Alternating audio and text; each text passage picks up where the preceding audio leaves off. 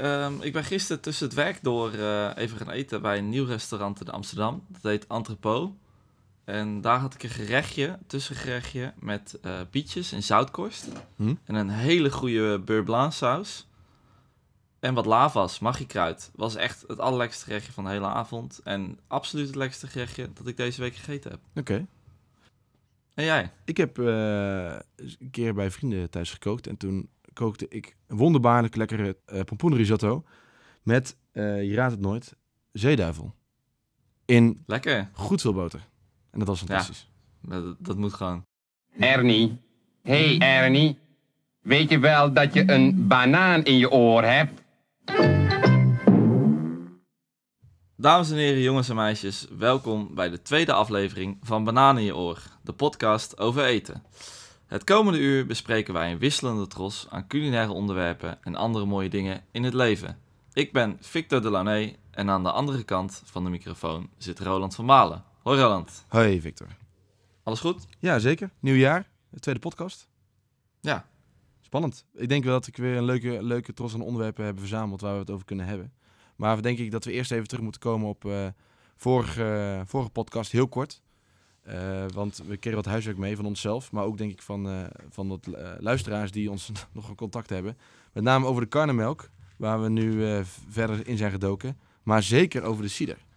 ja, absoluut over de cider. Ik ben op zoektocht gegaan. Ik ben er toch achter gekomen dat er meer Hollandse cider was dan ik dacht. Niet dat het heel veel is, maar er zijn zeker wel Hollandse cidermakers. Maar je hebt, je hebt diep in de buidel getast?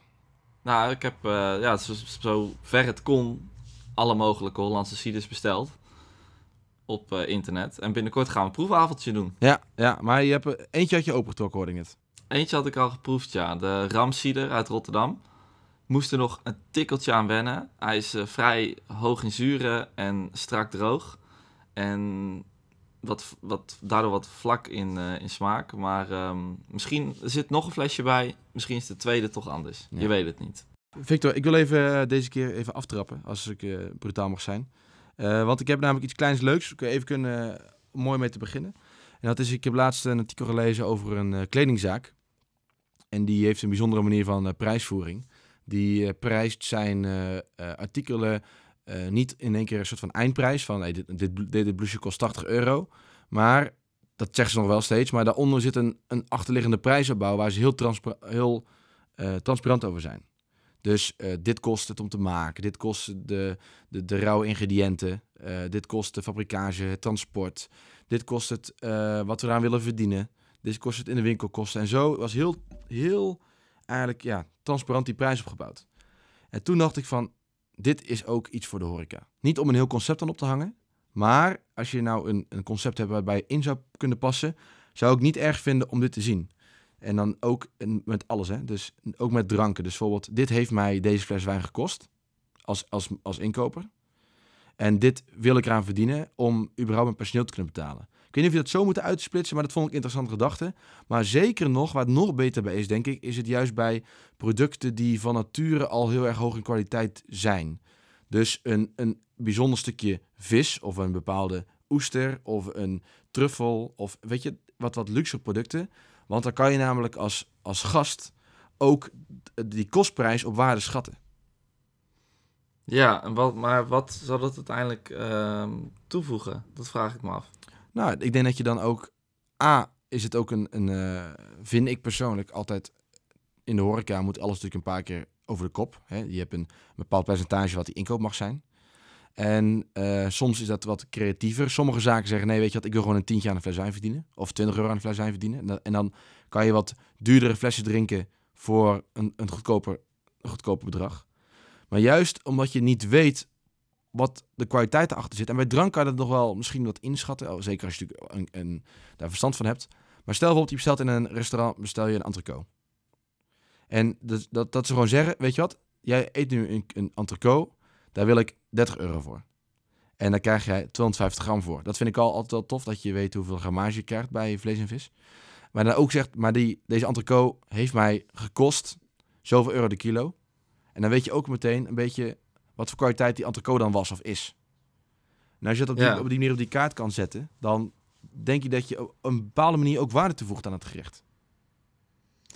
Ja, ik vind het toch een, een lastige. Want bij kleding, ja, waar komt het bij kleding vandaan? Is het ook niet de achtergrond van dat er in kleding veel kinderarbeid en dat soort dingen is? En dat ze dan transparantie willen laten zien. Zo van, nou, de ehm, leverancier en de producent, die krijgen ook genoeg geld. En de mensen die eraan werken ook. Ja, natuurlijk. Maar En dan, Dat, dan bij, bij voeding weet ik het soms niet. Dan denk ik, ja, in hoeverre gaat het dan ook echt eerlijk en, eh, en netjes zijn? En is het, is het echt die prijs? En ehm, wil je dat wel weten? Dat je niet, eh, dat die als die drie keer over de kop gaat, dat je dan denkt, oh weet je, ik had ook een hele mooie cotebuff thuis kunnen kopen. Of, ehm, ja, maar dan, als je dat denkt, dan denk dat je als restaurant dat je dan eh, jezelf tekort doet. In de nou, dat is misschien lastig omschreven, maar meer van, je staat echt achter je product, denk ik, als je super transparant bent over, dit is de vis inkoop. En niet Ja. daarvoor, hè. je moet niet daarvoor nog denken. Dus van, hij komt daar vandaan, eh, dit is kost hem om te kweken. Nee, dat is, dat is heel ver. Maar gewoon, nee, dit, heeft, dit heeft hij mij gekost en dit voeg ik aan waarde toe. Dat je transparant over die waarde toevoegen. Die zegt heel simpel, eh huur pand of zo, weet je wel. Dat zou kunnen. Of, of, of dekkende kosten, of een stukje, eh, of gewoon heel simpel marge. Dat je gewoon laat zien hoe die prijs is opgebouwd. Want dan, dan, laat je, dan weet je ook waarom die drie keer over de kop moet gaan. Het is natuurlijk niet dat als jij vlees op de kaart zet, dat je dan, ehm, eh, dat je dan nou, daar 70% aan verdient. Nee, natuurlijk niet. Je moet alles betalen. Je hebt afval, je snijafval heb je. Je, je hebt natuurlijk je, je kosten van je keuken, je hebt apparatuur, je hebt afschrijving. Nou, dan moet je een beetje sexy omschrijven. Maar als je stelt nou dat je een heel duurzaam restaurantconcept hebt. En dat je ook dan heel transparant laat zien hoe die prijs opgebouwd is. Ik, ja, ik, ik denk niet dat mensen zouden weglopen. Daarin zou het wel passen, ja. Maar dan moet je er ook gewoon bij een concept zijn... wat ook sowieso heel erg op duurzaamheid en transparantie is gericht. En dat dan daarin eh, fietsen. Maar waarin het misschien ook nog wel een lastig puntje is... je hebt natuurlijk gewoon heel veel hogere segment restaurants... waar je bijvoorbeeld een, ehm, een menu eet... Ja. wat helemaal is samengesteld... en waar vaak ingrediënten in zitten... die misschien helemaal niet duur zijn, zeg maar. Zoals gisteren had ik ook dan zo'n bordje met die bieten in zoutkorst en wat beurre blanc en wat eh magiekruid. Hele goedkope ingrediënten.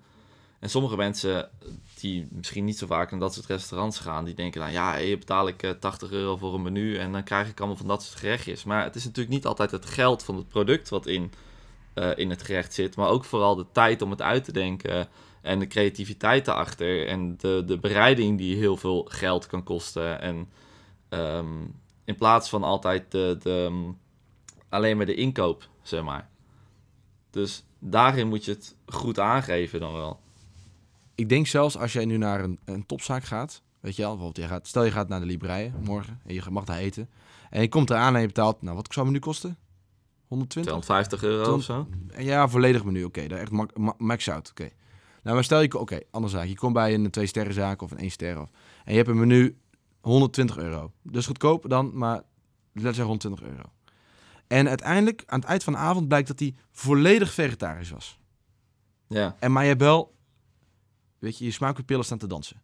ja, dan ben ik blij. Dan ben je blij. Dus dan in, dat, in zulke keukens is eigenlijk ook dat een beetje dat die dure vleessoorten of die specialiteiten, niet helemaal, want natuurlijk is het mooi als ik daar een keer mee gekookt word en dat er ook tot waarde komt met een, een lever of met een, een, een, een, een zeevrucht of met, snap ik bedoel? Dus natuurlijk wordt, of, of een, hè, dus dat wordt nog wel gebruikt, maar dat is wat minder relevant. Maar juist nu bij die restaurants waar het nog wel gaat om die ingrediënten, weet je, waar het nog wel gaat om die, om die oesters, om die, om die vooral stukken vlees heb ik dan over. Of Het is vooral vis. inderdaad met luxe producten, vlees en vis. En waar ook het, het, waar het ook het, de maaltijd daarom draait. Nee, dat kan, dat kan zeker. En ehm, op, met dat soort producten vind ik dat, vind ik dat zeker een, een punt. Dat zou kunnen. En daarnaast is het misschien ook al wel een ding dat langzaam een, steeds meer speelt in de horeca. Want je hebt gewoon wat restaurants die daar ook transparanter in zijn. Die bijvoorbeeld met een oplage met, met wijn zeggen gewoon van... ik doe 20 euro standaard op iedere fles. Juist. En dan is het heel leuk, want dan kan je als gast ook eens een duurdere fles wijn drinken. Voor een leuk bedrag. En die pakken gewoon overal hetzelfde bedrag op. En dan hou je het heel toegankelijk. En dat is ook eigenlijk een soort transparantie daarin. En ja, dat is toch een ontwikkeling die je toch al meer ziet. En ehm, misschien ook wel, wel moet. Want ik vind het soms gewoon niet meer van deze tijd. Ik was laatst ook in een wijntentje in Utrecht.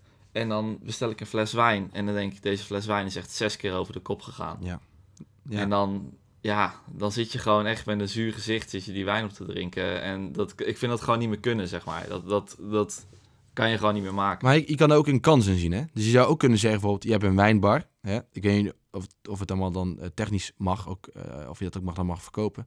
Maar stel, je hebt een wijnbar en je hebt, ik denk niet dat het bij elke wijn kan, want je wilt natuurlijk ook echt dure wijnen. Daar, stel, er is iets mis mee, dan, dan die moet ook een beetje ook marge inbouwen. Om, maar je kan zeggen, bijvoorbeeld, in deze prijscategorie zit op elke fles 20 euro. Weet je, omdat je hem hier drinkt. En op die categorie erboven zit allemaal 30 euro. En zo, zo zou je het eventueel kunnen doen. Maar wat je dan ook zou kunnen zeggen is, hé, hey, eh, vind je hem lekker, weet je wel? Haal 20 euro van de prijs af en eh, je neemt een doosje mee van 6. En dat je dan wel natuurlijk op die, eh, dat je daar ook wel een kleine marge op hebt, maar dat is meer een soort van slijterij marge al dan.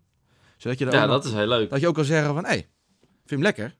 Voor 20 euro minder, eh, ne- neem hem mee. En waarom komen ze dan bij jou drinken? Ja, en als je dat denkt van, ja, dan komen ze niet meer bij mij drinken. Ja, dan heb je je wijnbar niet op orde. Want je moet juist, die meerwaarde zit hem denk ik niet in dat die fles wijn. Want nogmaals, je haalt hem bij de wijnboer om de hoek dezelfde wijn voor veel minder. Maar ook om het, het weg zijn, hè? De, de, de, de gezelligheid, de entourage, het charcuterieplankje, weet je wel. De- en daar Ja, doe je het voor. Daar, daar doe je het ook voor. Dan, eh, dat zijn alle onderdelen die meespelen, ja. En eh, ik vind het wel een goeie hoor, bij een wijnbar. En gewoon je, je flessen wijn erbij verkopen of bij een restaurant. Maar dan moet je wel wijnen hebben die redelijk exclusief zijn. En die mensen echt speciaal bij jou halen. Want dat is gewoon heel slim. Want zo, als jij hem lekker vindt en mensen vinden het leuk... dan nemen ze echt gewoon een flesje mee. Of misschien wel twee flesjes. Of dat, eh, je kan zoveel meer verkopen dan. Zeker in, in lichtelijk beschonken toestand. Ja, absoluut. Zeker weten. Ik zou het doen. Ik zou het Ja. doen. Laat even af, want ik, weet je, ik vond het wel een leuk, een leuk, een leuk idee, een leuke gedachte om uh, zeg, Ja, om er zo over na te denken. anders, kijk, is anders te kijken naar prijsopbouw. Van, eh, en naar misschien zeggen, weet je wat, laten we daar een keer transparant over zijn. En wat heeft het dan voor voordelen en nadelen? Nou, juist. Ehm, ja, eerst iets, iets grappigs, Roland. Wat is jouw favoriete snack? Eh, de kipcorn. De kipcorn? Ja, en daar, En waarom de knipke? Wat vind je zo lekker aan de kipcorn? Nou ja, ik zonder twijfel. Ik vind een kipcorn eh doet twee dingen heel goed. Ik vind namelijk in eten vind ik altijd eh, textuur belangrijk. En niks is krokanter dan de kipcorn. Dat is geloof ik niet. En daarnaast is, smaakt hij gewoon naar kip. En dat is gewoon, vind ik gewoon fijn. Goed verhaal. En Ja, zeker weten. en Victor, wat is jouw favoriete snack? Bij mij eh, de Disco Del. De Disco Del. Ja, ja, ja. ja, ja. Nee, ja, in Nijmegen komt, komt hij toch niet? Is hij toch on- geboren? Er was toch was zo'n ding met, eh, inderdaad, met dronken studenten die dan s'nachts naar een snackbar gingen. En dan gingen ze voor elkaar allerlei rare combinaties bedenken. Dus even voor duidelijkheid. De Disco Del is een frikandel met mayonaise en disco dip. Maar heb je hem, heb je hem op? Ja, die spikkeltjes Nee. zijn van het ijs, hè? Nee, natuurlijk niet. Die heb ik echt niet, heb ik echt niet op. Maar de, mijn favoriete snack is gewoon de kroket. Want? Omdat de kroket gewoon geniaal is. Omdat het gewoon zo lekker crispy aan de buitenkant. Zo'n goede eh salpicon of, of ragout erin. Zoveel variaties. En dus, ja, ik kan gewoon genieten van een goe- echt een goede kroket. Als ik zelf een kroket maak of zo, een, een goede rundvleeskroket. Nou, dat ik, ja, ik blijf, kom toch altijd... Ik wil al soms wel wat anders nemen, maar ik kom toch altijd weer bij die kroket uit. Maar nu speel je vals, want je vroeg mij wat is de beste snackbar. Ja, oké, nu speel ik vals. Maar Je gaat gewoon naar de random snackbar om de hoek met, Ja. het, met het standaard Maar dan eet ik ook een kroket. Dan eet je ook een kroket. En ik moet zeggen, ik ben ook wel fan van de joppie saus. Maar dat is gewoon ook een guilty pleasure van mij. Daar we het ook over gehad hebben. Maar. Dat is ook, ook een goeie. Joppie saus. Ik, altijd als ik bij de snackbar sta, dan denk ik... Oh nee, niet dat ik er heel vaak sta, maar ik ga er wel een keer heen natuurlijk. En dan sta ik daar en dan denk ik... Ja, zal ik een keer even een frietje joppie saus nemen? En dan denk ik, ah, joppie saus is eigenlijk best wel lekker. En dan bestel ik en dan neem ik hem toch nooit. En dat is zo jammer eigenlijk. Ja? ja. Joppie saus, het is ook, weet je wat het is bij joppie saus? Het is dat uitje dat, dat het in zit, weet je wel. Dat maakt het een beetje net, dat tilt het naar een hoger plan, vind ik. Maar er is nou iets nieuws, zag ik op mijn Instagram fiets erbij komen. Joppie, beetje pittig. Die is een beetje pittig. Dat zegt de naam, dat snap ik. Dus dat, ja. Maar Victor, jij wou denk ik niet alleen hebben nu dwalen we alweer af van de joppie saus. Maar Ja. ik wil het eigenlijk niet alleen daarover hebben. Want als we eigenlijk meer het intro in de eh hippe frietboutique boutique versus eh, de snackbar om de hoek. Want tegenwoordig zijn er natuurlijk heel veel van die ja, kroketboutique, frietatelier. Je kan het zo gek niet opnoemen. En eigenlijk de eerste vraag van, wat vind je van al die, eh, al die plekken? Vind je het een goede ontwikkeling? Ehm, zeg je van, nou, het wordt nu een beetje uitgemolken. Ehm, wat vind jij ervan? Het is natuurlijk mooi om, een, eh, om eigenlijk wat de onderkant van de markt is. Dus dat, dat vind ik de snackbar. Ja, dat is gewoon het meest toegankelijke restaurant Als je het restaurant mag, ja, het restaurant waar je, waar, wat je kan, eh, waar, waar je kan binnenstappen. En het is natuurlijk leuk dat daar, dat daar juist, kan je daar als conceptenmaker, wat, ik, wat ik natuurlijk mijn werk is, is natuurlijk juist dat spannend, hè? Uh, om, om zoiets met zo, om daar, want dan kan je alles wat je daar innoveert, geef je contrast ten opzichte van, van wat er is. Dus alles wat je daar anders doet of beter doet, dat, dan, dat is gewoon een hele onderscheidende factor van, eh, van, ja, van, van, de, van de normale snackbar. Dus ik snap wel goed dat van Sergio Herman zich daaraan gewaagd heeft, bijvoorbeeld. En die gewoon gekeken heeft van, nou, wat is een frietje? En die heeft dat natuurlijk verder gebracht. Nou ja, in mijn gevoel heb je nu twee richtingen. Je hebt, je hebt eh, zaken die gaan all the way. Dus die, die, die dat, weet je, dan is gewoon de, de... Het voorbeeld is dan voor mij gewoon eh, eh, in Antwerpen de, snack, de snackbar van Sergio Herman. Ik ben even de naam even kwijt. Frietatelier. Frietatelier, juist. En daarnaast heb je ook juist degene en die gooit alleen maar op ambacht. Zoals Piepers heb je in, in Veghel. Maar bij Piepers kan je bijvoorbeeld ook geen uh, joppiesaus krijgen. Die hebben gewoon alleen maar frieten met... met eh, Belgische mayonaise. nou ja, ja, precies. Met, maar dan wel nog met het, eh, de schilder aan. Wat dikker. Dus een beetje een, beetje een, een aardappelachtige friet. Dus krokant buiten, aardappel van binnen. En eh, ja, die gooit op die hoek. Maar die zijn niet innovatief, maar die, juist, die zijn meer ambachtelijk, juist. En dat vind ik niet zo interessant, eigenlijk, die Nee, hoek, dat oké. ambachtelijke. Maar ik snap wel... Ik vind juist... Ik snap wel wat jij zei vanuit je werk en dingen. Is het gewoon heel interessant en heel leuk om een soort nieuwe, eigenlijk een soort nieuwe markt te creëren. Ja. Ehm, Nou, ik heb, Het is ook een andere behoefte die je vervult. Ja. Weet je, als je natuurlijk gewoon, als je natuurlijk gewoon een frietje wil op een eh, donderdagavond. Wij, wij eten op donderdagavond altijd friet bij, bij, weet ik dat, bij mijn schoonmoeder.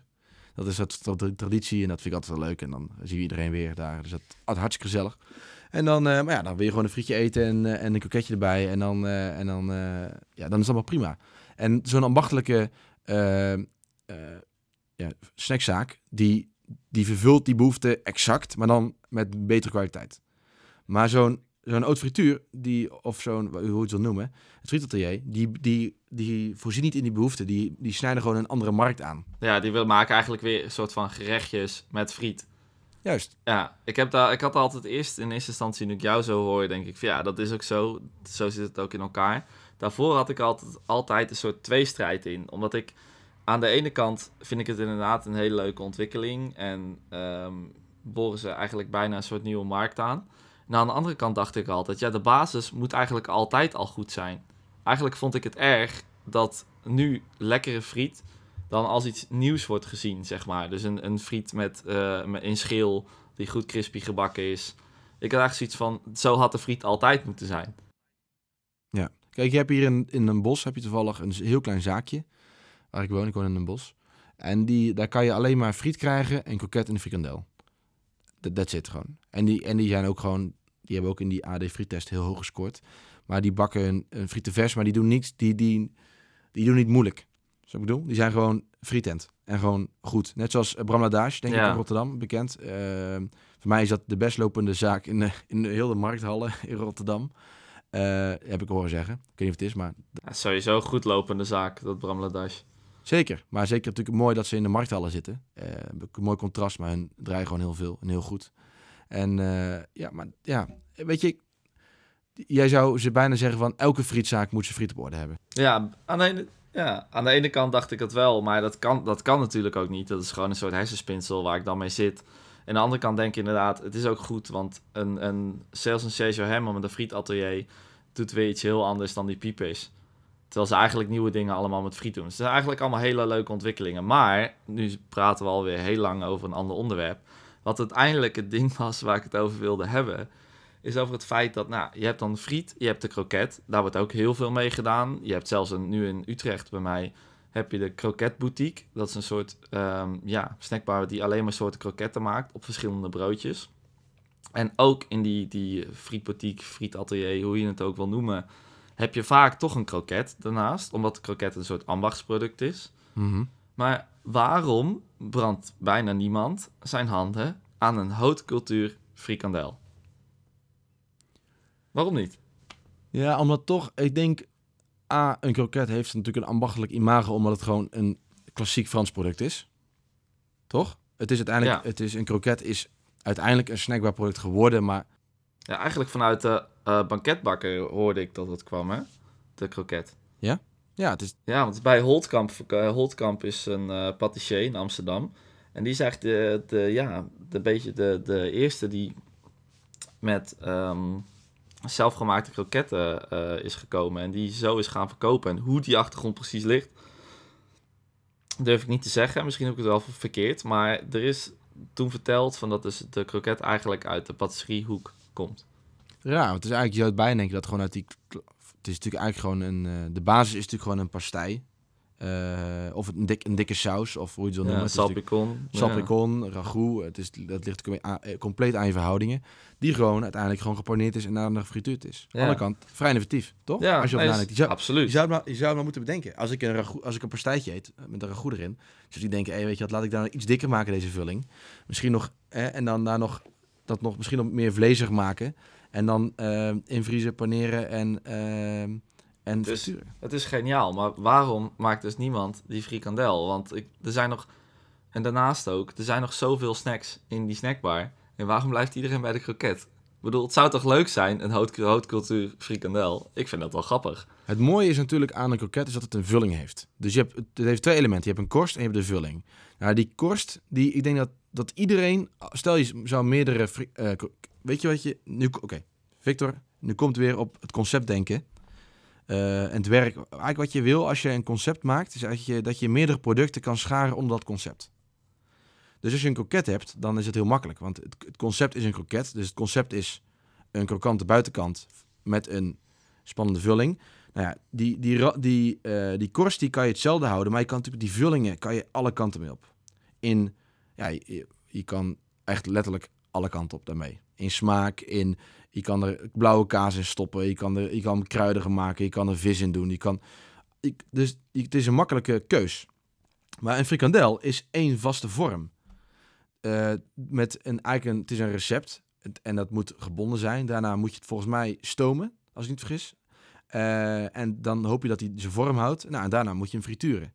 Dus eigenlijk wat je doet is gewoon een soort van... Eigenlijk maak je eerst een soort van worst die je stoomt en die je daarna frituurt. Dus misschien ook dat het... Het- misschien heeft het niet een ambachtelijke uitstraling. Je kan toch ook gewoon inderdaad een ambachtelijke frikandel maken, zoals je een, een fijne rookworst en een grove rookworst hebt. Grove rookworst hebt. Ja, dat kan. Maar de, de, vraag is, Dus, dat eh, is dat, de vraag is, kan je dan variaties maken? Want daar, is, daar, dat, daar maak je het spannend als je kan gaan variëren.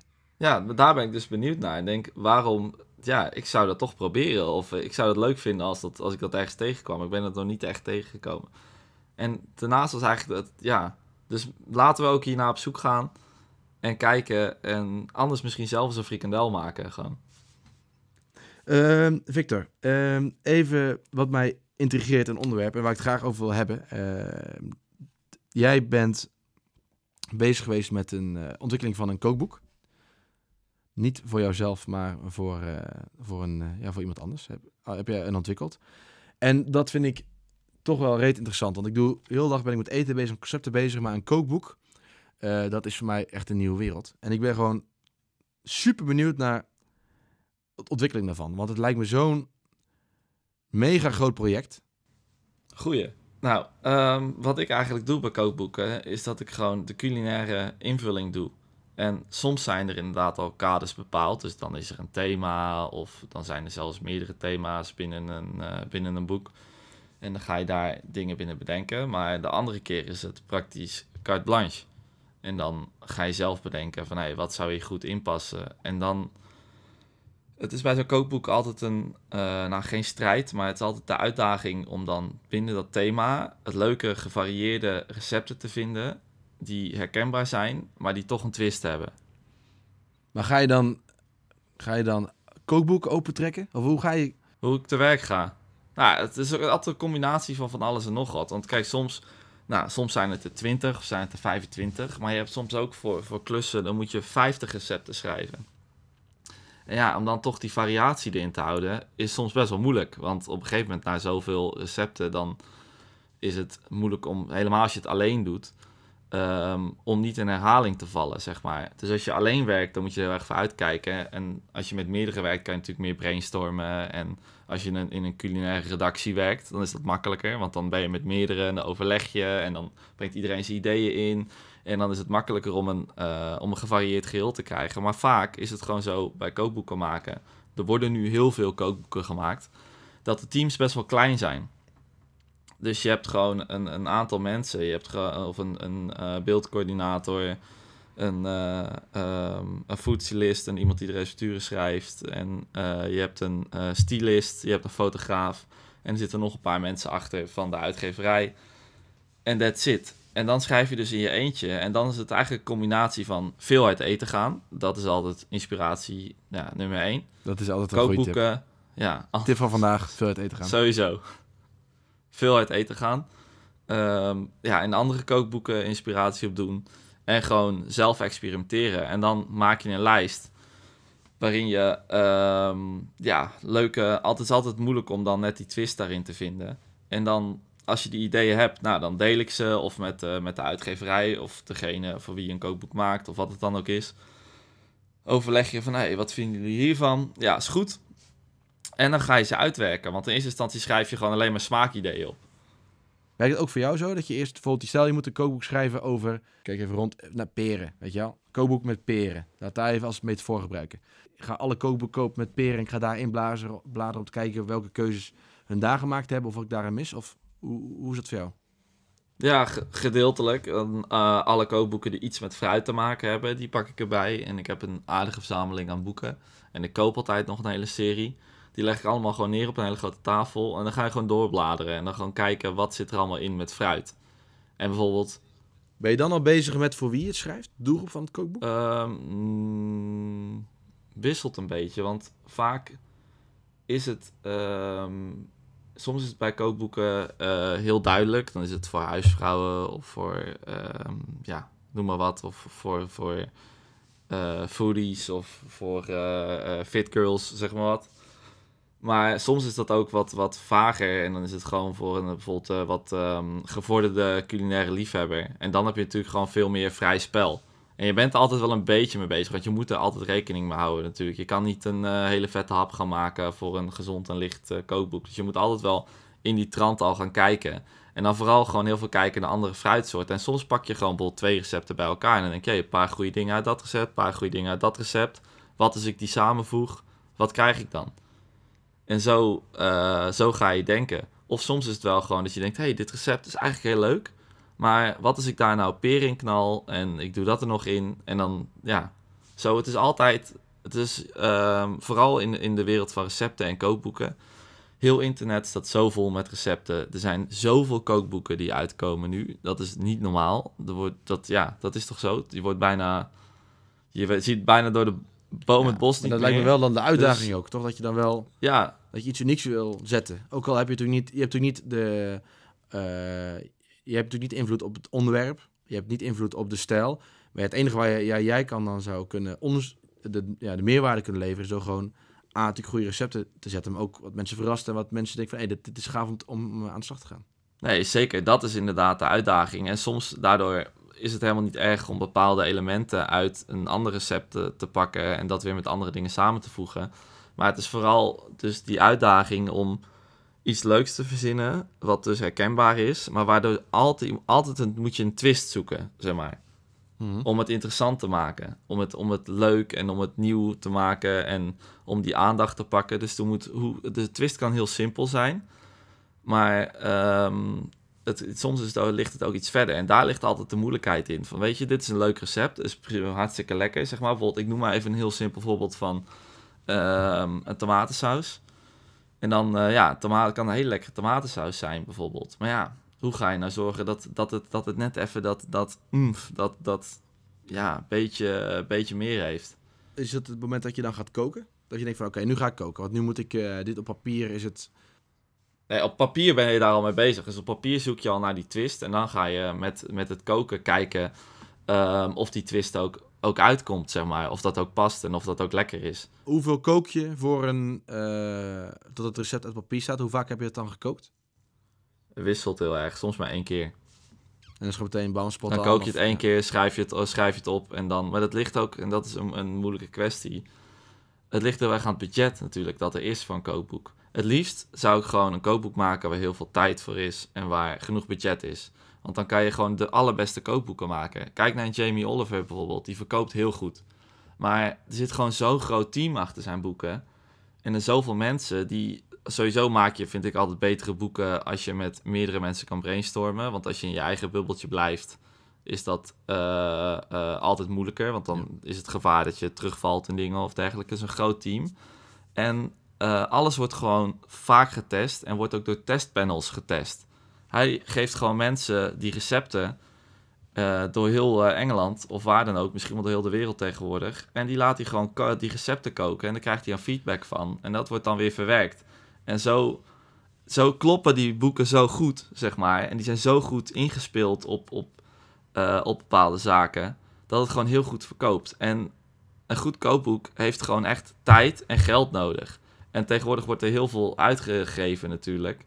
En ik denk als je echt een goed boek wil maken, zijn die twee dingen echt heel belangrijk. Want ja, dat heb je gewoon nodig. Hoe vaak wordt, kijk, wo- wordt een kookboek uitgegeven als inspiratie voor mensen of om vanuit te koken? Ja, dat is een beetje aan de persoon zelf, denk ik. Want ik ben altijd een persoon die eh, een kookboek als inspiratie ziet. En het, eh, het vaak het recept niet eens kookt uit zo'n boek. En, eh, maar er zijn ook heel veel mensen die juist kookboeken kopen als houvast. Die ehm, misschien minder zin hebben of het, eh, het moeilijker vinden om een, eigen creativiteit in de keuken los te laten. En een kookboek dan als houvast willen van... hey, dit recept is goed, dit recept is lekker, dit kan ik zo koken, het staat beschreven... en dan komt er iets goeds uit. Dus dat wisselt gewoon heel erg aan de, de doelgroep en de persoon voor wie je het maakt. Ja, en ja, het is gewoon een proces waarbij eh, elk boek is weer anders. Maar de beste kookboeken maak je gewoon met, met tijd en geld. Dat is gewoon zo. Als jij zelf nu een kookboek kan uitbrengen met unlimited sources, weet je, gewoon even eh, gewoon hier heb, je, hier heb je geld en eh, we geloven in je en je mag alles, je mag een team verzamelen. Waar, wat zou jou, waar, zou waar zou je een kookboek over schrijven? Hele goeie. Ja, dat vind ik altijd een, dat is een hele moeilijke. Want ik zit er wel eens over na te denken. En bij mij is het vooral in mijn vrije tijd ben ik, eh, kook ik heel anders dan dat ik voor mijn werk kook. Zeg maar. Dus als ik met ontwikkeling van dingen bezig ben, omdat je dan altijd voor consumenten kookt. En als ik in mijn vrije tijd kook, kook ik veel complexer en dan hele ambachtelijke dingen. En dan bak ik zuurdesembroden en dan ehm, ja, van alles en nog wat. Zeg maar, dus veel meer ambacht, worsten maken, dat soort dingen. Dat vind ik altijd heel leuk, maar daar heb je al heel veel van. Ik weet, ja, het is heel moeilijk om, eh, om zo een onderwerp eh, erin te gooien, wat nou echt een, iets is wat ik graag zou willen maken. Ik zou ooit wil ik nog wel een kookboek maken. En dan wil ik, dan is het niet eens dat ik heel lang de tijd wil hebben, maar dan wil ik gewoon afspreken dat je zegt van weet je, een eh, jaar van tevoren ehm, met een uitgever van nou, over volgend jaar moeten de recepten af zijn, zeg maar. En eh, dat ik gewoon, dat je een lange periode hebt om die recepten te schrijven. En dat het niet eh, dat je gewoon dat tussendoor doet, maar dat je gewoon een heel lang, eh, hele lange periode hebt, waar je dus heel veel kan testen, heel veel inspiratie. En ik denk in zo'n lange traject dat je uiteindelijk altijd de betere kookboeken maakt. Het zou wel een leuk concept zijn ook gewoon. Dat je, dat je eh, als maker, het nadeel van jou en mij, dat niemand kent ons. Dus we hebben, Nee. wij kunnen ook, ja, we kunnen- we hebben gewoon geen fucking te doen. Maar stel dat je een bekend persoon bent, of in ieder geval een bekend culinair persoon. Nou, Jamie Oliver is dan te hoog, maar nou ja, iemand anders uit Nederland. En die zegt, weet je wat, die maakt gewoon een jaarlijks kookboek. Dat is gewoon een ding, weet je wel. En eigenlijk is gewoon het beste wat hij dan in het jaar tegenkomt. Of waar hij dan aan werkt en wat hij dan ontdekt heeft. Eh, iemand die natuurlijk wel veel met koken bezig is, in, of die echt, echt van houdt. Ja, Dat je bijna zegt, hey, dit is gewoon het, weet je wel, dit is gewoon het beste van dit jaar. nee, ik zou dat heel leuk vinden. Dat is op zich, eh, maar die Jamie Oliver doet dat, al, doet dat wel met die jaarboeken of zo maakt. Die een soort verdikt magazine waar dan de beste recepten in staan. Maar ehm, ja, een soort jaaroverzicht. Maar dat, ik zou dat heel leuk vinden. Gewoon elk jaar dan die beste recepten van dat jaar erin. Want er zijn ook altijd bepaalde dingen die heel populair zijn in zo'n jaar of zo. Of die, het zou echt wel een, een grappig, eh, grappig overzicht zijn om, om zoiets in de wereld te helpen. Het is een terugblik en dan zou je ook kunnen kijken van, hey, waarom dan? Weet je, waarom was ik hiermee bezig? Eh, in dat seizoen bijvoorbeeld, Ja. of met, tijdens een bepaalde, dit heb ik voor kerst gekookt of bedacht of verfijnd, of ik heb dit keer gebakken, want En met een introotje erbij, het verhaal om het recept heen. En eh, nee, ik, zou- ik, eh, dat zou ik heel leuk vinden. En Dat ook gewoon- aanpassing in het recept. Van weet je wat maakt het nu go- goed en ten opzichte van wat? En wa- waarom een keer eerder gemaakt, wat miste er toen? En wat wil ik misschien nog aan verbeteren? Wel een leuk idee, natuurlijk. Ja, zeker. Maar dan is het minder, dat is natuurlijk wel vormloos. Want dan kan het van een pasta zijn tot aan een, tot aan een brood zijn. Nou, en alles ertussen. Ja, zeker. Maar dan, gaat het, dan moet je het indelen in, dus in, in periodes. Gewoon dat het, het jaar doorloopt, zeg maar. Maar dat zou misschien een digitaal ding moeten zijn. Dat Ja, je dat dan eh, Ja, eh, waarom aanlevert. Een app.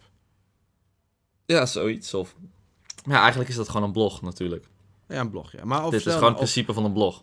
Nee, maar stel bijvoorbeeld, jij, jij zegt van, ehm, eh, dit zijn mijn lijfrecepten, weet je wel? Mhm. Dus het zou bijvoorbeeld, stel jij maakt 50 lijfrecepten, van dit is, dit is Victor, weet je wel? Stel je moet jou samenvatten in 50 recepten. En dan zou je een soort van eh, een digitale kookboek van maken. En dat je die ook gewoon af en toe een update. Van, ah, ik, hij is nu weer anders, weet je wel? En dat je ook mensen kunt terugbladeren in vorige versies en wat is dan aan verbeteren. Dat je soort van, je koopt gewoon 50 recepten die nooit af zijn eigenlijk, weet je wel? En dat je ook dan, Ja, nee, zeker weten. En dat zou, maar ja, ja, dat zou ik heel leuk vinden. Hey, volgende. Roland. ja, Victor. Het is natuurlijk al even geleden dat de jaarwisseling is geweest. Maar ehm, tijdens de jaarwisseling bedacht ik me iets. Ik zat ineens te denken aan de oliebol. Want de oliebol is het grootste seizoensproduct dat geen seizoensproduct is. Nee. Niet als boerenkool of als asperges. Ja. In de, op dat opzicht. Nee. Je kan het altijd maken. Daarom, je kan het, maar we eten het alleen met oud en nieuw. Dat is ook wel genoeg, denk ik. Ja, dan is het dan inderdaad genoeg, omdat je er gewoon eens per jaar vijf in je mik duwt. En dan zo vol zit en dan nooit meer een oliebol wil voor de rest van het jaar. Of ja, waarom maken we niet een, een. Waarom worden er niet vaker oliebollen gemaakt of gegeten? En is dat alleen een oud en nieuw ding? Nou, in principe zijn er natuurlijk wel meer eh, producten zoals dat. Hè. De- je hebt natuurlijk de pepernoot. Dat is natuurlijk heel erg gebonden Oh ja, aan, eh, aan, aan Sinterklaas. Wat heb je nog meer? Ja, dat Paaseieren, dat paaseieren. Dus het is ook misschien ook een soort van traditie en dan houdt het ook leuk. Dan is het ook weer leuk om weer een oliebol te eten. Ik moet zeggen, ik ben wel een... eh, ja, ik hou wel van oliebollen, ja. Ik kan het wel waarderen. Een Ik oliebol. Een goede oliebol. Ja, ik ook. Maar het lijkt me ook leuk, maar dat heb ik altijd als iemand experimenteert met de oliebol. Ik heb nog nooit een experimentele oliebol op. Ik, Ik moet- ook niet. Ik moet wel zeggen dat ik eh, het wel een leuk aan oliebollen vind, is dat het gewoon... Het is, iedereen eet het. Dus ik heb ook toen ik bij mijn tijd bij mijn keuken, een sterrenzaak in Wouw, toen ik in de keuken stond voor mijn stage, toen was mijn taak ook tijdens de kerstdagen om kleine oliebolletjes te bakken. En die vulden we daarna met appelmoes en die rollen we in de kaneelsuiker en de een die vullen met chocolade. Dus de, als dat, dat, die waren fantastisch trouwens, maar dat is meteen het meest experimentele wat ik op Oh, oliebolvlak oliebol. heb gedaan. Waarom? Maar, en heb gegeten. Ja, maar ja, de oliebol is dus, ja, misschien is het ook maar goed. We eten hem één keer per jaar en dan is die heel lekker. En de Maar- rest eh, hoeven we hem niet. Vind ik het enige wat ik nog wil weten dan is, eh, wil jij met krenten of wil je hem dan zonder krenten? Nou, met, want anders is het gewoon een vettige hap deeg. Ja, dat ben ik ook mensen. Mensen die het, sowieso mensen die rozijnen niet eten, zoals Mensen die een oliebol met niks erin willen, die snap ik niet. Die snap ik niet. Nee. Nee, ja, het is Eet dan, gewoon- eh, eet dan een appelbeignet. ja, eh, maar dan, ja, inderdaad. En dan nog een ding. Weet je wat dus de allerlekkerste appelbeignet is? Nee. De appelbeignet die je de volgende dag eet. Dus je koopt appelbeignets, die laat je liggen. Ja. Die eet je niet op. De volgende dag word je wakker, zet je de oven aan en dan leg je die appelbeignet in de oven. En wat er dan gebeurt, is dat die buitenkant met die laagjes deeg wordt super crispy en Mhm. krokant. En wordt iets minder vettig. En dan is die dus zoveel lekkerder als dat je hem vers bakt. Omdat hij dan gewoon veel meer structuur heeft en dat deeg heel lekker bros wordt. Beste tip die, die ik je kan geven. Mocht je nog een eh appelbeignet vinden in je jaszak van oud en nieuw, Daarom. Ergens. Gooi hem in de oven. in de oven. en ga aan de slag. Oké. Zeker. Next. Next. Ehm, nou, ik had er eentje. Ehm, het is ook alweer nou, een zwaar onderwerp. Dat valt er misschien wel mee. Maar ja, waar we wel weer even over kunnen praten. Ehm, en dat is vis. En voornamelijk omdat we... Je hebt nu een, eh, een ding dat al een tijd bezig is. Dat kop tot staart initiatief. Dus dat er steeds meer van kop tot staart gegeten wordt. Van varkensoren tot aan het, eh, het staartje, zeg maar. Alles moet gebruikt worden van een dier. En ook bij, bij runderen en dergelijke gebeurt dat steeds meer. Maar bij vis blijft dat eigenlijk zo erg achter. En ehm, ik had laatst las ik daar ook een stukje over. En er was een jongen die had iets gepost over een John Dory. En John Dory is een, een maanvormige eh, vis. Met twee van die stippen op zijn lijf en van die stekels. Misschien kent niet iedereen hem. Het is een ontzettend lekkere vis. Ben er echt, eh, echt gek op. Alleen moeilijk te krijgen. En toen zette hij het volgende eh, erbij. Toen zette hij neer van 25% van deze vis is kop. 12% van deze vis is organen. 22% van deze vis is graten. En dat is bij elkaar al ongeveer 15 euro aan dingen waar eigenlijk niets mee gedaan wordt. Want een John Dory is iets van 25 euro per kilo. Dus hij, dan hou je dus eigenlijk maar 41% over. Wat valt onder de noemer eetbaar voor ons als consument. En toen dacht ik, toen vond ik dat eigenlijk heel erg. Omdat ik dacht, zo weinig eten, dat wordt er zo weinig als eetbaar gezien van zo'n vis. Terwijl dat zo groot, uh, ja, zoveel meer mee kan doen. En ik was wel een beetje shocked eigenlijk. Wat ik meteen denk is gewoon van, dat is, ik vind aan de ene kant logisch, want wat een koe, je koopt geen koe, weet je wel, als consument. Je koopt geen hele koe. Dus wat als je als consument hele koe zou kopen, zou je dat ook doen. Dan zou je heel makkelijk kijken naar makkelijke, uh, makkelijke delen van, de, van het vlees en de rest gooi je weg. Omdat je niks mee kan. Maar natuurlijk op industriegebied, van kop tot staat, dan zou je in principe, bijvoorbeeld zeker, of bij een varken bijvoorbeeld, dat uh, dan die varken wordt, het varken wordt geslacht en zelfs het bloed wordt gebruikt. En het de hart, worden hartkleppen voor gemaakt voor mensen. Dus alles van het varken, weet je wel, van de vacht, van de vacht worden kwasten gemaakt. Dus omdat het gewoon ook van een soort van, uh, nou ja, door, door bedrijven wordt, uh, dat vlees wordt een soort van wordt onderverdeeld. Ja. Wordt alles gebruikt, want alles zit geld in. Van nagels tot aan kop tot aan tongen, alles wordt gebruikt. Dus zo'n varken wordt van letterlijk van kop tot staart gebruikt. Nou, en, de, en dan zou je natuurlijk in de horeca ook natuurlijk wel een beetje voor, voor storytelling... zou je daar ook wat mee kunnen doen, weet je wel? Dat je zegt van, nou, ik gebruik dit en dat. Maar dan gebruik je natuurlijk ook niet alles, maar wel... Wel een groot spreken, deel. Wel een groot deel. En dan ben je dan creatief in, maar... Je koopt niet in één keer in. Je koopt niet in één keer een varken in waar je echt alles van gaat gebruiken. Nee, niet veel restaurants doen dat.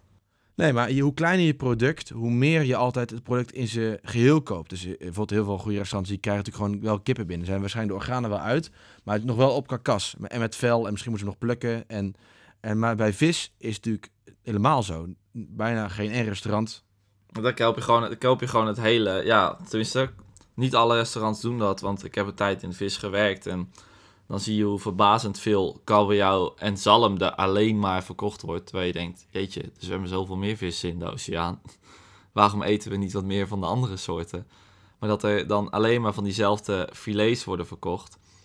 Ehm, ja, maar daar, daarbuiten bij andere vissoorten heb je inderdaad dat je gewoon het hele beest koopt. En heel veel mensen kopen niet een hele kip. Ja, wel een kip gewoon aan het bot. Maar niet een hele kip in veren met een met zijn kop en poten. want als je natuurlijk, als je stel je zou op industriële schaal zou je die vis al fileren, dan gaat die industrie gaat niet die visgraten uh, weggooien. Die gaat, daar wordt bouillonpoeder van gemaakt, bijvoorbeeld, weet je wel. Ja, of soms zelfs uh, gelatine Juist. van, uh, van dat soort dingen wel. Dat is waar, maar even terug naar, dat, naar de um, restaurant. Ik bedoel, kijk, voor onze consumenten snap ik dat dat moeilijker is. Want mensen gaan niet die vissenkop, gaan er niet heel veel mee doen. Of die gaan die uh, dat kuit niet zouten of die gaan die lever niet verwerken of dat soort dingen. Maar vooral voor restaurants dacht ik van ja, daar kan je ook gewoon heel veel mee doen. Ik ben namelijk enige tijd geleden ben ik um, uh, in Baskeland geweest met uh, Mr. Kitchen. Um, dat is een bedrijf dat doet culinaire communicatie. Maar toen, toen, zijn we, toen wij daar waren, gingen wij eten bij een restaurant en dat heet Elcano. En dat restaurant is gespecialiseerd in vis van de grill. Er staat gewoon een hele grote open grill buiten. En daar eet je vis van de grill. En heeft één Michelinster. En dan eet je tarbot van de grill met eigenlijk niets erbij. Gewoon En dan krijg je, ja, krijg je die hele gegrilde tarbot op een bord. En dan gaat hij hem fileren. En dan eet je eigenlijk eerst um, de zogenoemde aardappels ervan af, zeg maar. Dus het makkelijke eten, dus de filet. Nou, dan heb je die op. En uh, dan ligt er nog een graad met nog van alles en nog wat aan. En dan komt hij terug. En dan houdt hij het bord houdt hij dan schuin. En dan al dat, dat vet wat onder de huid zit en het vocht, wat er dan uitloopt, dat ligt dan in zo'n plasje in dat bord. En dan pakt hij een vork en dan gaat hij heel hard roeren. En door dat vet en dat vocht en die eiwitten die uit het vlees zijn gekomen, gaat dat binden. Bizar. En dan klopt hij, dan klopt hij, dan klopt hij. En dan wordt het vocht bijna een soort aioli-achtig, zo'n dikte, zeg maar, zo'n structuur. Door gewoon niks anders dan wat er in die vis, gewoon wat er uit die vis komt. En nou, dat, dat, dat komt dan op het bord. En dan haalt hij die hele kop uit elkaar. En dan krijg je een stukje nek en dat smaakt dan weer iets bitterder. En dan krijg je een stukje wang en dan krijg je een stukje lip en dan krijg je een... En dan krijg je allemaal in onderdeeltjes naast elkaar op een bordje. En dan proef je dat. En dan zit er inderdaad ook echt heel veel smaakverschil in. Maar dan in één keer denk je van het is eigenlijk zo lekker. Die kop is zo, zit zoveel in. Dan daar, ja, en dat, dat laten we dan zoveel liggen. En dat had, dat had echt mijn ogen geopend. Dat ik dacht van, er kan zoveel meer met vis. En we kunnen, zou ook met kuit of met, met lever, dat doen ze in, in sommige sterrenzaken ook wel. Maar daarmee kan je ook als restaurant gewoon hele leuke dingen doen. Zeg maar. Ik vond het echt een openbaring zo van, het is zo zonde dat we dit weggooien. Kijk, in Azië doen ze zo, gebruiken ze sowieso echt alles van dieren. Dus dan ook gewoon eh eh, wat kippen. Dan heb je ook gewoon saté eh, van kippenhuid. Dat is trouwens geniaal. Maar dat is natuurlijk wel gewoon, als je over nadenkt, retenvet. Of zelfs over bij de hanen heb je van die, eh, wat onder de haan hangt. Dat is een, Mm. Zijn, Ja, Ja. ik eh, ken het, ja. zijn, zijn baard, laten we Ja. noemen. Weet je wel?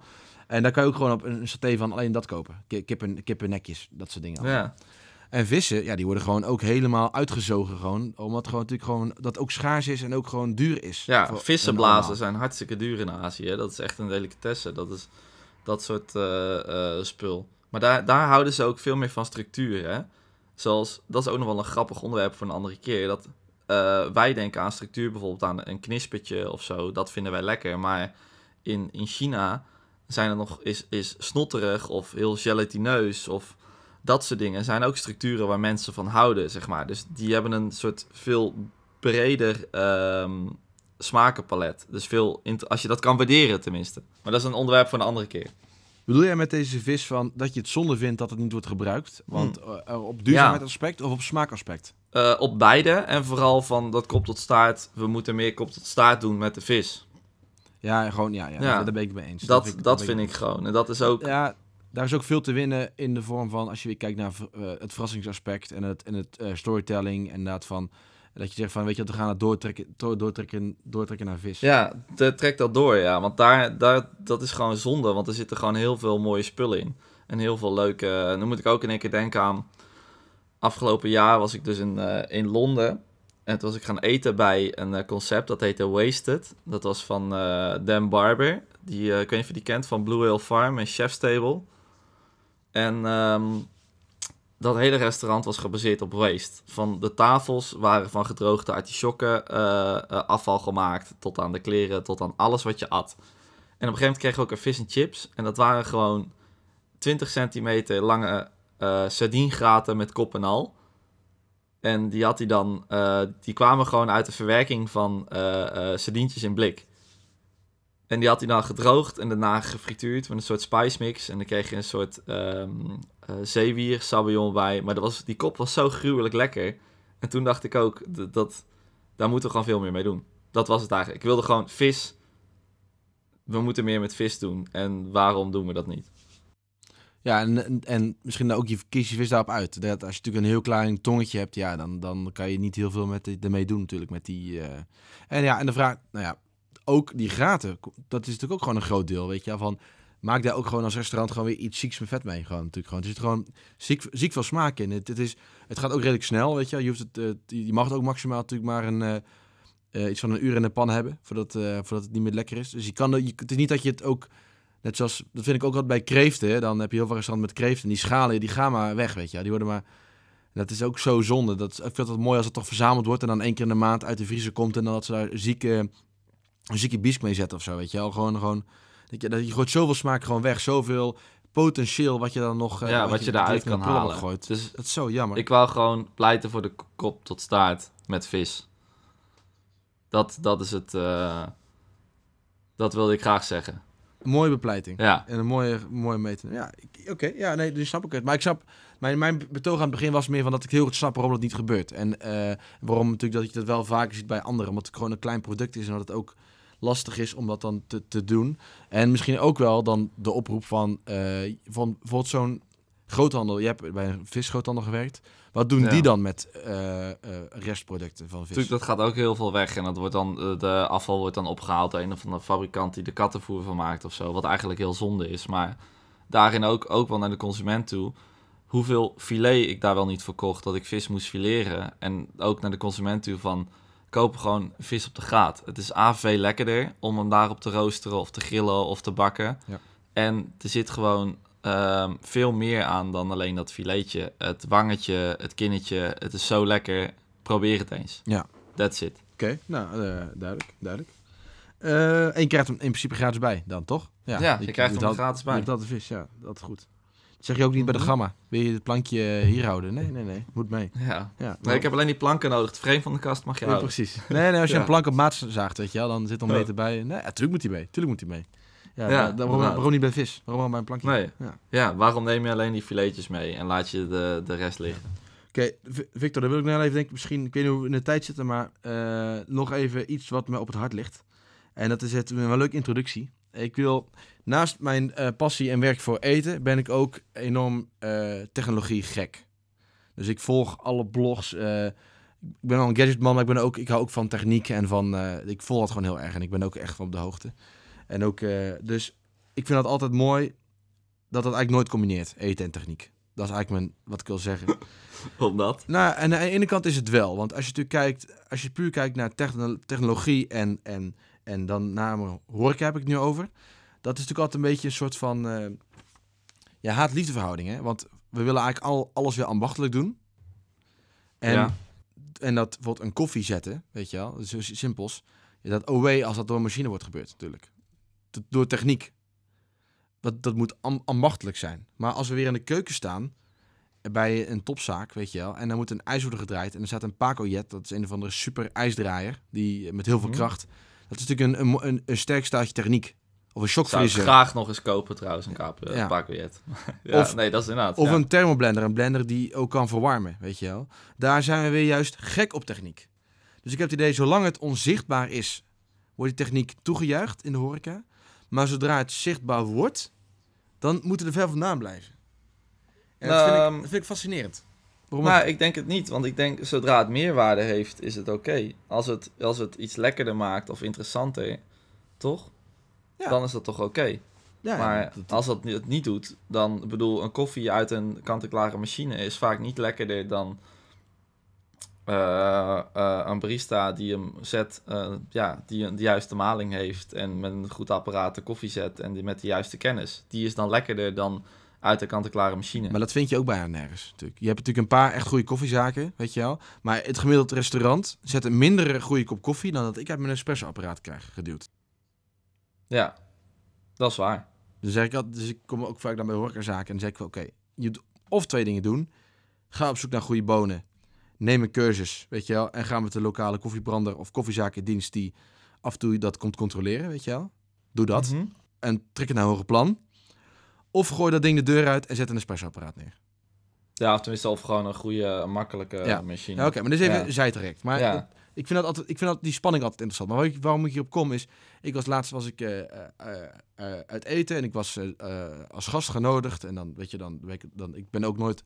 Als ik het eten ga en ik ben dan in die setting, ben ik nooit kritisch. Want dat vind ik gewoon niet... Ja, weet je, dat iedereen vindt dat een soort van spannend als ik meega. Dat moet ook bij jou ook zijn, denk ik niet. Als iemand jou het Mhm. eten neemt die niet het eten zit, dan... Ja, dan is dat altijd Victor, lastig. Victor is mee. Ja, ja, dat- zeg maar altijd dat het goed is. Want... Dat, precies. Nou, Ja. en, maar nu was ik bij, in, in, bij een, eh, een sushi-zaak. En eh, ik heb me voorgenomen om daar nooit meer naar binnen te stappen.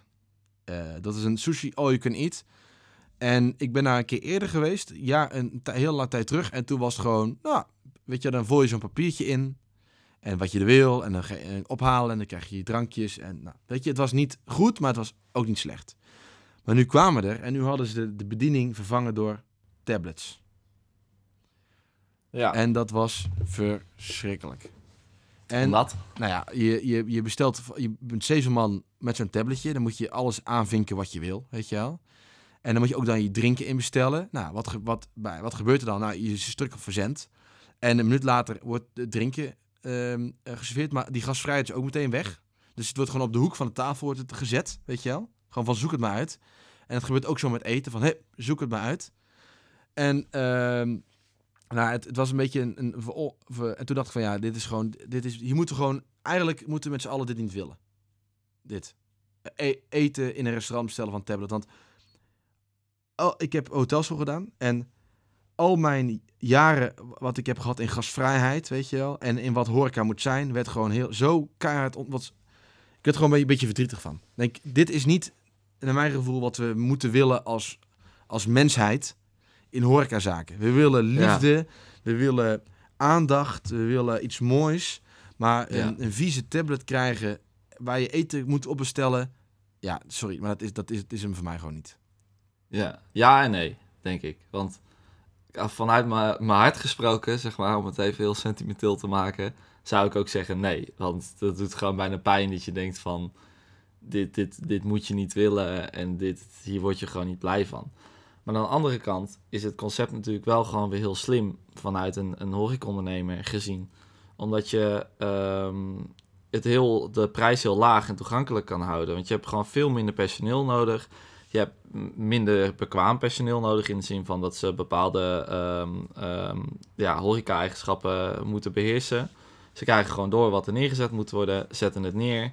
Ze hoeven niet te vragen van, "Hey, wilt u misschien nog iets? Of verkooptechnieken, allemaal niet nodig. Hoeft het alleen neer te zetten. En dan als je met grote groepen bent of zo, hebben misschien mensen er ook wel geen behoefte aan. Die willen gewoon zitten, eten, wat drinken.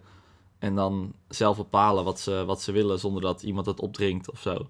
Dus het is misschien in dat opzicht is het, is het heel goed. Maar vanuit culinair gezien en vanuit mijn achtergrond en dingen denk ik nee, dat, dat moet je niet willen. Want zo'n avond, je wil gewoon persoonlijk contact en je wil, ja, dat, dit moet je gewoon niet willen. Kijk, sowieso ging er alles mis in die horecazaak. Dus ook, eh, ik, ik had een paar dingen even opgeschreven, want ik zat met de helemaal op te naaien. Begon natuurlijk met die tablet, wat helemaal eh, ruk was.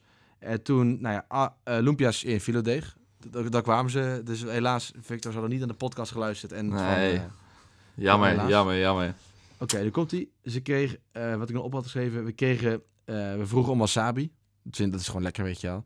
En dan kregen we dat van een andere tafel die het niet had aangeraakt, werd dan gezegd. Weet je wel. Oh, lekker. aan- wel aan de bediening. Toen het wel aan de bediening vroegen, hey, heeft ook wasabi. Ja. Toen werd het van een andere tafel afgeplukt. Ja, de, eh, van een andere tafel, maar is niet aangeraakt. Ja, toen, dat is natuurlijk al verschrikkelijk. En ik vind eigenlijk dat eh 200 milliliter frisdrankflesjes verboden moeten worden in de horeca. Dat vind ik eh, gewoon afzetterij. Want? Ja, dat 200 milliliter. Dat is echt weinig. Dat is, heb je dan zo'n heel smal, hoog glaasje met frisdrank, weet je wel. Ja, Letterlijk twee slokken weg. ja. En dan vraag je, en dan moet je dan twee tat voor betalen. Sorry, maar dat is gewoon, dat is, vind ik niet, dat vind ik gewoon eh, niet gas. Dat vind ik ook daar weer, vind ik het weer niet gasvrij in, weet je. Elke keer, elke horeca waar ik kom, en ik stel een codetje en ik krijg 200 milliliter, moet ik eigenlijk gewoon eh, naar buiten stappen en gewoon zeggen, jongens, eh, doei. Ja, maar dat is natuurlijk in zo'n tent gewoon het verdienmodel. Want die pakken Ja. het geld op het drinken. En ehm, daar verdienen ze op. Ik heb gewoon eh, als het protest gewoon een biertje lopen drinken, omdat ik dan evenveel geld kwijt was en gewoon meer kreeg. Gewoon Ja. wel. Gewoon Meer vocht. 30. Gewoon ja, gewoon meer vocht. Ja, ik had gewoon dorst. Ja, weet je, Ja. dit alles reet te zout. En die koletjes drinken van 200 milliliter, jongen, je, je kan ze niet snel bestellen of te eten. Maar Nee. ik moet wel zeggen, ik had het hoogtepunt was voor mij de gebakken banaan. En de, daar. Ja? Dat wel- Want? ja, dat, ja, dat vind ik wel fantastisch. Zoet, warm. Maar oké, even terugkomen daarop. Ja, het op is techniek. techniek. Weet je, nou, wat ik dan vind is, als je doet, dan wil ik wel all the way. Dan wil ik ook een lopende band, of het moet komen aanvliegen, of het er eens met een drone komen. Dan moet je het, dat vind ik niet erg. Als het mega goed wordt doorgetrokken, als het al constantmatig wordt toegepast. Maar het nu is, alles roept gewoon van, oké, wij willen geld uit jou uitknijpen. Weet je, wij willen geld aan jou verdienen en het, alles moet goedkoop Ja, mogelijk. en ik alle zet service is weg 15-jarigen 15 neer die het heen en weer lopen. Of 16-jarigen. En eh, die, ehm, ja, inderdaad. Het gaat gewoon om geld verdienen. Geldmachine. Jij wil gewoon, jij wil gewoon dat het concept klopt. En dat er gewoon meer liefde in zit. Dat wil je gewoon. Ja, nou, en, eigenlijk, en toen dan ging ik denken van, toen ging ik eigenlijk weer denken over die techniek, weet je, techniek in de horeca, dat het gewoon, ja, weet je, wil het, het willen in het ambacht hebben en ook zeker in de horeca, maar zodra het gewoon weer, eh, zodra het wel, ik vind dat het spannend, dat het gewoon heel de, de wereld digitaliseert en dan denk ik dat we moeten ophouden, want we weten, Ja, eh, dat, dat alles digitaliseert, weet je. Alles wordt smart, alles, wordt, alles moet met apps. En dat ik ook wel mooi vind dat juist in, die, in de gastvrijheidssector, in de horecasector, dat het eigenlijk daar nog een soort van, dat het eigenlijk daar gewoon jaren hetzelfde blijft. Dat, en dat vind ik fascinerend. Dat alles moet slimmer, alles moet smarter, weet je. Alles moet wifi, maar... En alles moet eh, slim reageren, maar eigenlijk in de, in de, in de horeca is het... eh, nee, dat, wordt eigenlijk nog geleund op oude, oude, op Ja, oude, dat is technieken altijd-. En ook gewoon... ja. Ja, Dat is een soort, twee, een soort tweedeling. Want dat, dat is vaak met trends en zo. Je hebt altijd eh, de ene kant de fit girl kant. En aan de andere kant is zeg maar de, de extreme barbecue, vlees en vet heel populair. En dat is daar ook bij. Aan de ene kant techniek. En dan heb je aan de andere kant, horeca is juist de ambacht. eh, terug naar de zuurdezenbroden, naar de oude technieken. De, ja, dan dat toch soort tegenpolen. Die ontwikkelen zich altijd zo los van, los van elkaar. Dat zie je gewoon heel vaak. En ehm, ja, ik vind dat leuk. Ik wil die ambachten inhouden. Ik hou van ambacht, van oude dingen. Niet alles hoeft altijd nieuw te zijn. Klassiek kan ook heel lekker en heel goed zijn. Daar kan ik soms enorm van genieten. Nou, ja, duidelijk. Ja, Victor, ik denk dat we weer lang genoeg gaan gepraat hebben vandaag. denk ook. We hebben eh, weer heel wat volgepraat. En eh, Heel wat bedankt voor het luisteren. Mocht je het zover hebben volgehouden, ehm, ja, laat eens wat weten eh, over wat we hebben besproken. Wat vind jij ervan? Heb je nog een leuke toevoeging? Ehm, ben je het niet eens? Alles mag. Waar moeten we het zeker over hebben? Wat vind je interessant? Welk onderwerp moeten we aansnijden? Welk onderwerp moeten we niet aansnijden? Eh, we willen graag de podcast eh, beter maken en interessanter maken. En eh, ja, dat is alles wat ik over te zeggen heb. Ja. Victor, voor nu. Jongen, Victor, tot de volgende keer. Haal die banaan nooit uit je oor!